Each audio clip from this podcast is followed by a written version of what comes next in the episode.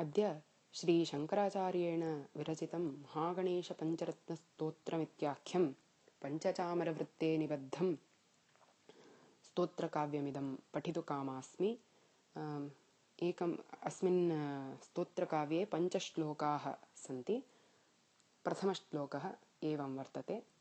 मुदाकरात्तमोदकं सदा विमुक्तिसाधकं कलाधरावतंसकं विलासिलोकरक्षकम् अनायकैकनायकं विनाशिते भदैत्यकं नताशुभाशुनाशकं नमामि तं विनायकम् इति